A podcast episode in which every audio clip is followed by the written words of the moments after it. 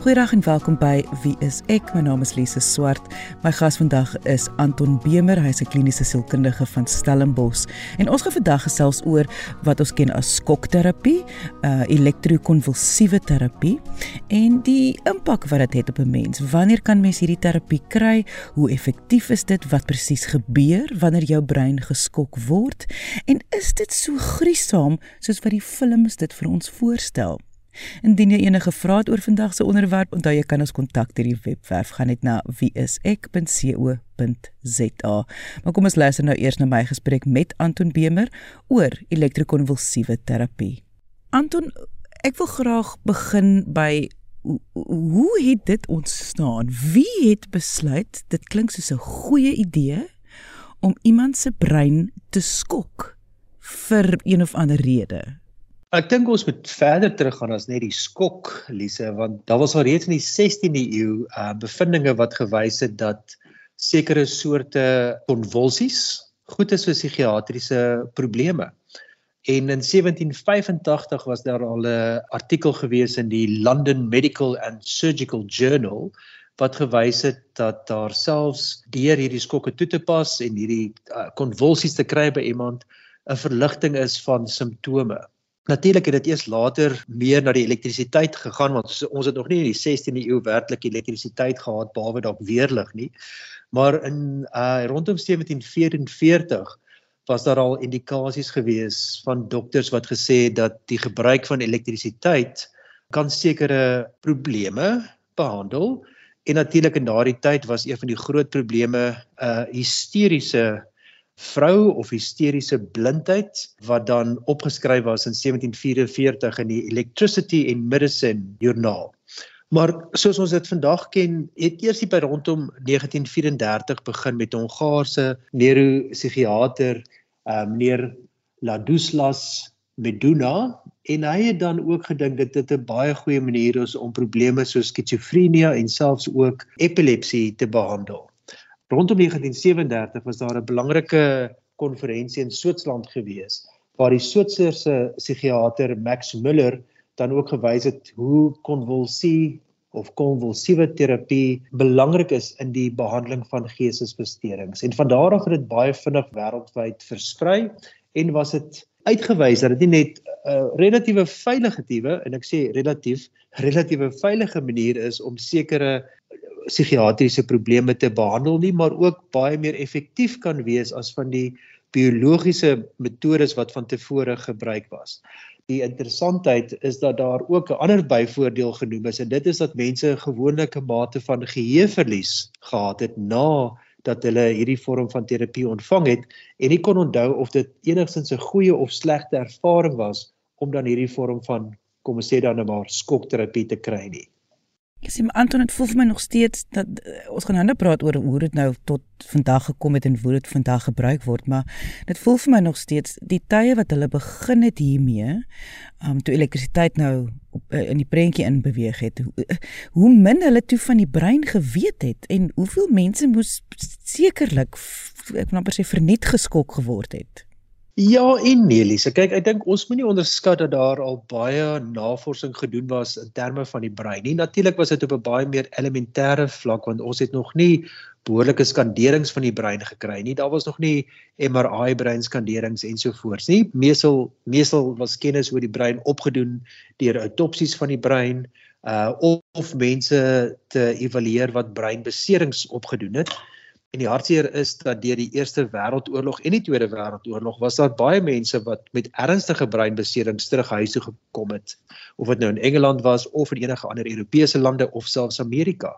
En hierdie was dan mense wat ek wil amper sê proefkonyne geword het om te kyk na die impak van die traumatiese oorlogervarings, die sielkundige reaksie daarop in die vorm kom ons sê posttraumatiese stres maar natuurlik ook mense wat huis toe gekom het met hoofbeserings wat hulle gedrag en hulle persoonlikheid baie verander het. So daar was baie navorsing gedoen. En ons moet ook verstaan dat deur die middeleeue, die tye voor dit en natuurlik die die die eeue daarna was die medikasie wat beskikbaar was vir depressie, skizofrenie, bipolêre gemoedstoring ensovoorts baie baie beperk. So daar was nie medikasie wat regtig gegee kon word om te sê jy het nou hierdie probleem en hierdie pilletjie gaan vir jou help nie. Die medikasies wat beskikbaar was was nou maar baie ek gaan maar sê grof in terme van navorsing. Daar was indikasies dat dit gewerk het, maar vir sommige mense het dit baie erge neeweffekte gehad en natuurlik vir baie mense was daar of oordoserings gewees of hulle het op ander maniere baie fisies siek geraak as gevolg van die medikasie. Die alternatief was dan ook om mense um toe te sluit in 'n asylum iewerste waar daar dan nou 'n gestig was vir almal wat dan nou erge gedragsprobleme gewys het of wat dan nou erge psigiatriese versteurings gehad het en hulle dan op daardie manier uit die samelewing uit verwyder het. So dit was baie ons kan nou terugkyk daarna en sê dit was baie kontroversieel geweest. Maar die behandeling vir psigiatriese probleme was baie beperk geweest. En daarom was iets soos om deur hierdie sensors op die brein te plaas en skokke deur die brein te stuur en belovende uitslae te wys. Iets wat regtig aangegryp was as 'n nuwe manier om mense verligting te gee van psigiatriese probleme, maar natuurlik ook vir hulle familie, gesinne te help om hierdie probleme te hanteer. Kan ons 'n bietjie gesels oor watter diagnose elektrokonvulsiewe terapie vandag aanspreek. So waarvoor word dit gebruik en en en hoe goed is die uitslae daarvan? Hoe suksesvol is dit? Iets wat werklik 'n baie groot impak gehad het op mense se denke oor skokterapie was die fliek One Flew Over the Cuckoo's Nest, want daar was dit werklik 'n manier gewees wat die pasiënte geterroriseer het en werklik op 'n baie slegte manier uitgebeeld het hoe gevaarlik dit gebruik kan word. En ek dink baie van die idees rondom skokterapie was gebaseer op daardie aanvanklike uitbeelding van die film gewees. En natuurlik moet ons ook bysê dat oor dekades is hierdie manier nie alleen verfyn nie, die toerusting waarmee dit gedoen word baie baie aangepas. Dat hoe dit nou vandag in 2023 lyk is wêrelde verskillend van hoe dit in 1938 gelyk het. Ek dink wat ons ook daarmee moet sê is dat met skokterapie, elektrokonvulsiewe terapie, is daar sekere soos jy nou gevra het, toestande wat beter daarop reageer, veral as iemand 'n baie erge depressie het. So depressie is waarskynlik heel bo aan die lys as ons kyk hierna. Die ander een is natuurlik waar daar depressie oor 'n baie lang tydperk in 'n persoon se lewe is en hierdie persoon reageer nie op medikasie en psigoterapie nie. So dit is 'n tweede ene en dan ook waar daar 'n persoon is met bipolêre gemoedsteurings om te kyk na die maniese episodes dat die skokterapie dan wel hierdie maniese episodes kan verlig en hulle 'n meer gebalanseerde gemoed gee. Katatonia is dan nog 'n ernstige probleem waar daar 'n gebrek aan beweging is en 'n persoon ook nie noodwendig kan praat nie en hulle soms baie vreemde bewegings maak en daar is ook baie goeie bevindinge dat skokterapie daarvoor kan help. En dan laastens is dit met mense met demensie. As hulle aggressie wys, as hulle geagiteerd is met mense rondom hulle, is daar goeie bevindinge dat skokterapie ook daarvoor help. Nou ons moet weer eens dink daaraan dat hierdie nie nou iets is dat jy nou 'n groot klomp elektrisiteit deur iemand se brein stuur nie. dit is baie anders as wat dit in die verlede was. Skokterapie, elektrokonvulsieterapie is iets wat gewoonlik in klein doserings toegepas word. Pasiënt word gewoonlik tussen 20 en 60 sekondes blootgestel aan hierdie skokke en dit word baie fyn gemonitor.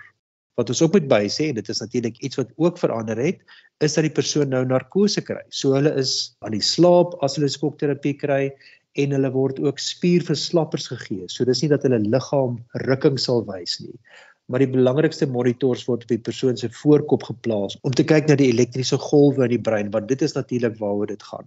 Anton mense wat nou luister hierna en dink my depressie is so erg en alles wat ek al probeer het werk nie en hulle dink, "Ag, oh, miskien gaan hierdie vir my werk." Is dit 'n keuse wat 'n individu kan maak of gaan net 'n professionele persoon vir jou hierdie kan voorstel? Ek dink dit is belangrik dat ons moet sê wat jy al reeds van tevore gehint het dat dit nog steeds 'n kontroversiële prosedure bly. Daar is geen twyfel daaraan nie dat dit baie effektief is vir baie mense en dat dit ook nie noodwendig werk vir almal nie. Dit is natuurlik 'n besluit van 'n dokter en dan gewoonlik sal dit of 'n psigiater of 'n neuroloog wees wat hierdie persoon ondersoek om dit voor te stel as die psigiater of neuroloog dan in hierdie veld ook werk en dit beskikbaar is.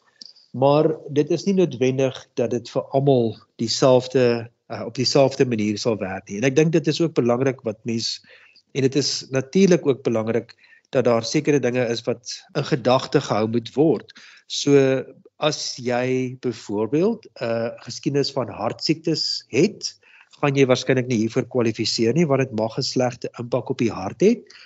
Want as jy die terapie kry, dan verhoog jou bloeddruk, jou hartklop verhoog en dit is iets wat ehm um, mens regtig nie wil hê dat jy ehm, 'n um, ernstige mediese krisis kry terwyl hierdie terapie toegepas word nie. So die die tweede vraag is in terme van weet watter ander terapieë was al gebruik gewees? Dat hierdie nie noodwendig as jy net deur 'n moeilike tyd gaan gaan ons nou kyk na elektrokonvulsiewe terapie nie. Dit gaan waar daar 'n baie meer ernstige depressie is of 'n baie langdurige depressie en ander opsies al oorweeg is of gebruik is. So wanneer daardie opsies nie noodwendig oor 'n langer termyn die nodige uitkomste gee nie dan kan dit gebruik word. Iets anderste wat ook in gedagte gehou moet word is dat ouer persone baie keer meer van die uh, elektrokonvulsieterapie kry omdat hulle op 'n baie komplekse medisyne regime mag wees. So daar's 'n klomp medikasies wat hulle gebruik en daarom kan hulle antidepressante of medikasie vir bipolêre gemoedstoring nie net sommer vinnig aangepas word of verander word nie. En dan word daar gekyk hoe iets so skokterapie dan dalk vir hulle meer van waarde kan wees. Nog 'n groep wat interessant is, is dat mense en dit sal natuurlik meer die vroulike geslag wees, uh die mense wat swanger is, kan dalk meer baat vind by elektrokonvulsie terapie indien daar bekommernis is dat medikasie problematies vir die fetus kan wees. So dit is dalk mense regtig moet kyk wat is die veiligigste vir hierdie persoon met hulle mediese geskiedenis en dan ook ten opsigte van vorige behandelings wat al probeer was. Jy luister na Wees ek, my naam is Lise Swart en my gas vandag is Anton Bemer, kliniese sielkundige van Stellenbosch en ons praat vandag oor skokterapie of elektrokonvulsiewe terapie. Indien jy enige vrae het, kan jy ons kontak deur die webwerf gaan net na wieisek.co.za of stuur vir my direk 'n e-pos na lise@rsg.co.za.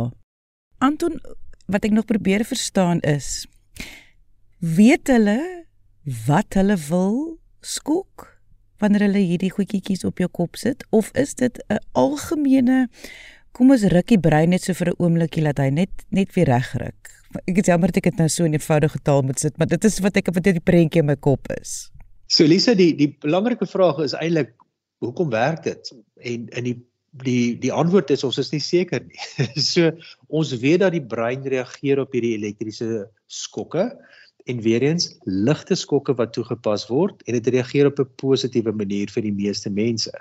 Maar hoe presies dit werk is ons nie seker van nie. Dit is soos iemand wat 'n epileptiese aanval het en daarna kan hulle dalk baie rustig voel. Hulle mag dalk nie seker wees wat presies gebeur het nie of hulle mag dalk selfs die mekaar wees maar dit kan ook voel of hulle kop net oopgegaan het asof ek amper sê die slegte energie uitgegaan het. So twee maniere hoe dit gewoonlik gebeur is of bilateraal, so daar word beide kante van die kop van die skedel, ehm um, hierdie elektrodes geplaas wat dan beteken dat die elektriese stroom deur die brein gaan.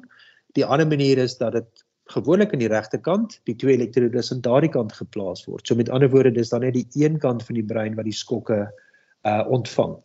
Die rede hoekom daar die twee metodes is dat daar die siening is dat om dit net aan die een kant te doen is dalk veiliger en dit maak dalk sekere neeweffekte soos geheueprobleme of om die mekaar te wees verwardheid minder maar om dit aan beide kante van die hoof te plaas met ander woorde dat die skok van die een kant van die brein na die ander kant deur die skedel gaan lyk meer effektief. So daar is studies wat sê die bilaterale metode is meer effektief. Ehm um, maar natuurlik word dit heeltyd gemonitor deur te kyk na die elektrodes wat op die hoofhoek geplaas word om te kyk na die brein se breingolwe. Dit word gemonitor in terme van die persoon se hartklop en natuurlik ook om te kyk of daar enige ander bewegings is in die liggaam wat wat dalk uh aandui dat dit gestop moet word. So dit word baie baie fyn gemonitor. Nie alle psigiaters, neuroloë, mediese dokters stem saam oor die gebruik daarvan nie, maar daar is sekere klinieke in Suid-Afrika waar dit definitief gebruik word. So ehm um, indien dit 'n opsie is wat jy wil oorweeg, dan dink ek dit is belangrik om dit uh, met die regte dokter, psigiater te bespreek. En, maar dit gaan ook afhang van 'n evaluasie of daardie spesialis gaan besluit of jy geskik is vir die vorm van terapie. Die gevare moet uitgeskakel word dat daar nie verdere rug of nekprobleme veroorsaak word nie of as daar 'n hartkondisie is dat daar nie te veel stremming op die hart geplaas word wat moontlik die hartprobleem kan vererger nie. Maar die gevaar dat dit kan jou katatonies maak of jy kan jou persoonlikheid heeltemal verloor of jy gaan 'n ander mens aan die ander kant uitstap. Is hoe hoe hoe groot persentasie is dit? As jy sou terug kon gaan in tyd, Lise na die 1970s of 60s of die 1930s, so dan is daar definitiewe risiko. Maar vandag se tyd is dit nie 'n risiko nie. So die die die risiko's wat mens nou na kyk is meer dinge soos geheueverlies of daar mag dalk ehm um, na die tyd ehm um, fisiese neeweffekte wees soos naait, hoofpynne, dat jy 'n klemming kan voel in jou kakebeen of selfs spierpynne, maar hierdie is dinge wat nie lankstaande daar is nie. Ehm um, ek dink die belangrikheid is meer om te sê dat dit jy so sensitief toegepas word oor 'n tydperk om die neeweffekte so minimaal as moontlik te hou. So kom ons sê in die meeste gevalle kan dit twee keer per week gedoen word oor 'n tydperk van 6 weke. Um en natuurlik kan dit bietjie verskil afhangende van die kliniek of die dokter, maar dit is nie iets wat dan met ander woorde op 'n daaglikse wyse met baie sterk elektrisiteit toegepas word nie. Um en daar word baie veiligheidsmaatreëls toegepas ook. Soos jy gaan byvoorbeeld 'n mondskerm kry om op te byt dat jy dalk nie jou tong raak byt nie. Um weet daar gaan mense wees wat definitief nie alleen jouself monitor nie, maar as daar enige noodgeval mag wees dat daar 'n spesialis by is om seker te maak dat alles veilig is. En ek dink ook laasens is dat die idees wat ons hier oor het is baie anderste as oor die realiteit van dit. Ongelukkig, soos ons maar weet, hierdie media altyd uh liefde om die skousel skouspelagtig en dramaties uit te beeld en baie keer meer as wat dit is of om voorbeelde uit die verlede te gebruik wat nie nou meer van toepassing is nie. So dit is baie veilig. Jy wat werk in neurosielkunde, is dit iets wat vir jou eh, dit is dit vir jou fascinerend om te sien watter verskil dit aan iemand kan maak, die voor en die na, die effek daarvan? So ek dink die belangrikste getuigskrif sekerlik van ECT, um elektrokonvulsiewe terapie, is die ervarings wat mense beskryf na die tyd. Nie net in terme van onmiddellik nadat hulle dit gekry het nie, maar die jare daarna waar daar mense is wat baie duidelik sal wees dat hulle baie selfmoord gedagtes gehad het of ernstige pogings gehad het.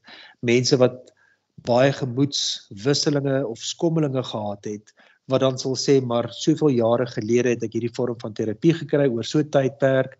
Ek het dit dalk nie weer daarna nodig gehad nie, maar ek gebruik medikasie of ek kry psigoterapie en dit het so groot verskil in my lewe gemaak. So ek dink vir my is daardie tipe inligting baie belangrik. Ek dink nie dat die die vorm van skokterapie wat in die verlede daar was wat waarskynlik meer nadelige nagevolge gehad het, is iets wat ons vandag sien of kry nie. So ek dink die fascinasie lê vir my net in terme van dat dat so 'n vorm van terapie wat ons nie weet hoe dit werk nie, tog 'n positiewe verskil kan maak. Maar ek dink mense moet ook dieselfde sê dat daar ander forme van terapie ook is en ook medikasie is wat natuurlik ook deur navorsing duidelik word op watter maniere het dit 'n impak nie net op ons gemoed nie of ons denke nie, maar ook op die chemikalieë in die brein wat 'n positiewe verskil maak maar dit word dan ook bepaal op grond van elke individu hulle geskiedenis die spesifieke probleme wat hulle ervaar om 'n besluit te maak wat gaan die beste vorm van behandeling vir hierdie persoon wees. Mense wat hierna luister Anton, almal soek altyd 'n oplossing veral wanneer dit kom by depressie, demensie, um, ag die pynne van die lewe, die die die regte erge erge extreme moeilike tye praat ons vandag uh, om vir mense idee te gee as 'n opsie of is dit maar net vir mense in te lig? Ek dink dit is belangrik om mense in te lig daaroor want ek dink mense wat daardeur gaan is soms skaam om daaroor te praat of dit te noem. Ehm um, want mense kan dalk dink hulle het hierdie verskriklike uh psigiatriese probleem wat hulle baie vreemd maak en nou kan hulle nog hierdie vreemde vorm van terapie ook. So dink is belangrik om 'n ingeligte perspektief daarop te hê dat dit nie so dramaties of vreesaanjaend is as 'n vorm van terapie nie. En ek dink veral as dit kom by ernstige depressie, mense wat regtig nie goed reageer op verskillende forme van medikasie nie, dat hierdie definitiewe opsie is wat vir sommige mense 'n baie goeie uitkoms gee. Nie noodwendig vir almal nie, maar ook dat dit as dit goed gebruik word, dat hierdie persone 'n verbetering in lewenskwaliteit kan ervaar. Natuurlik is daar dinge wat dit ook teengaan, soos lewenstylfaktore, weet oormatige alkohol of dwelmgebruik, om te veel kos te eet, om te veel seksuele partners te hê. Al hierdie tipe risikofaktore kan natuurlik die behandeling benadeel. Maar net so sal dit enige ander vorm van behandeling ook benadeel of dit nou gaan oor medikasie of psigoterapie of of watter ander vorm van terapie ook al. So die belangrike deel is om te sê dat die dinge wat problematies kan wees ten opsigte van die uitkomste is net so problematies vir medikasie of terapie. En ek dink die ander deel van dit is dat met medikasie is daar sommige mense wat nie noodwendig altyd hulle medikasie reg gebruik nie of vergeet om dit te gebruik of na 'n tyd net los waar hierdie vorm van terapie gewoonlik as 'n binnepasiënt gebruik word, goed gemonitor word en natuurlik dan ook besluit word of dit weer in die toekoms herhaal moet word. So op 'n manier kan daar meer beheer toegepas word oor skokterapie, elektrokonvulsieterapie as wat daar beheer toegepas kan word oor 'n persoon wat 'n voorskrif kry en gesê word hulle moet met hulle sielkundige verder opvolg en oor 3 maande terugkom om die psigiater weer te sien. En dit was Anton Bemer, kliniese sielkundige van Stellenbosch. Indien jy enige vrae het oor vandag se onderwerp elektrokonvulsiewe terapie, kan jy ons kontak deur die webwerf gaan net na wieisek.co.za of jy kan vir my direk 'n e-pos stuur. Stuur dit na lise@rsg.co.za. Dankie dat jy vandag ingeskakel het. Ons maak weer so volgende Vrydag 12:30 hier op RSG. Jy moet 'n heerlike naweek hê en onthou, kyk mooi na jouself.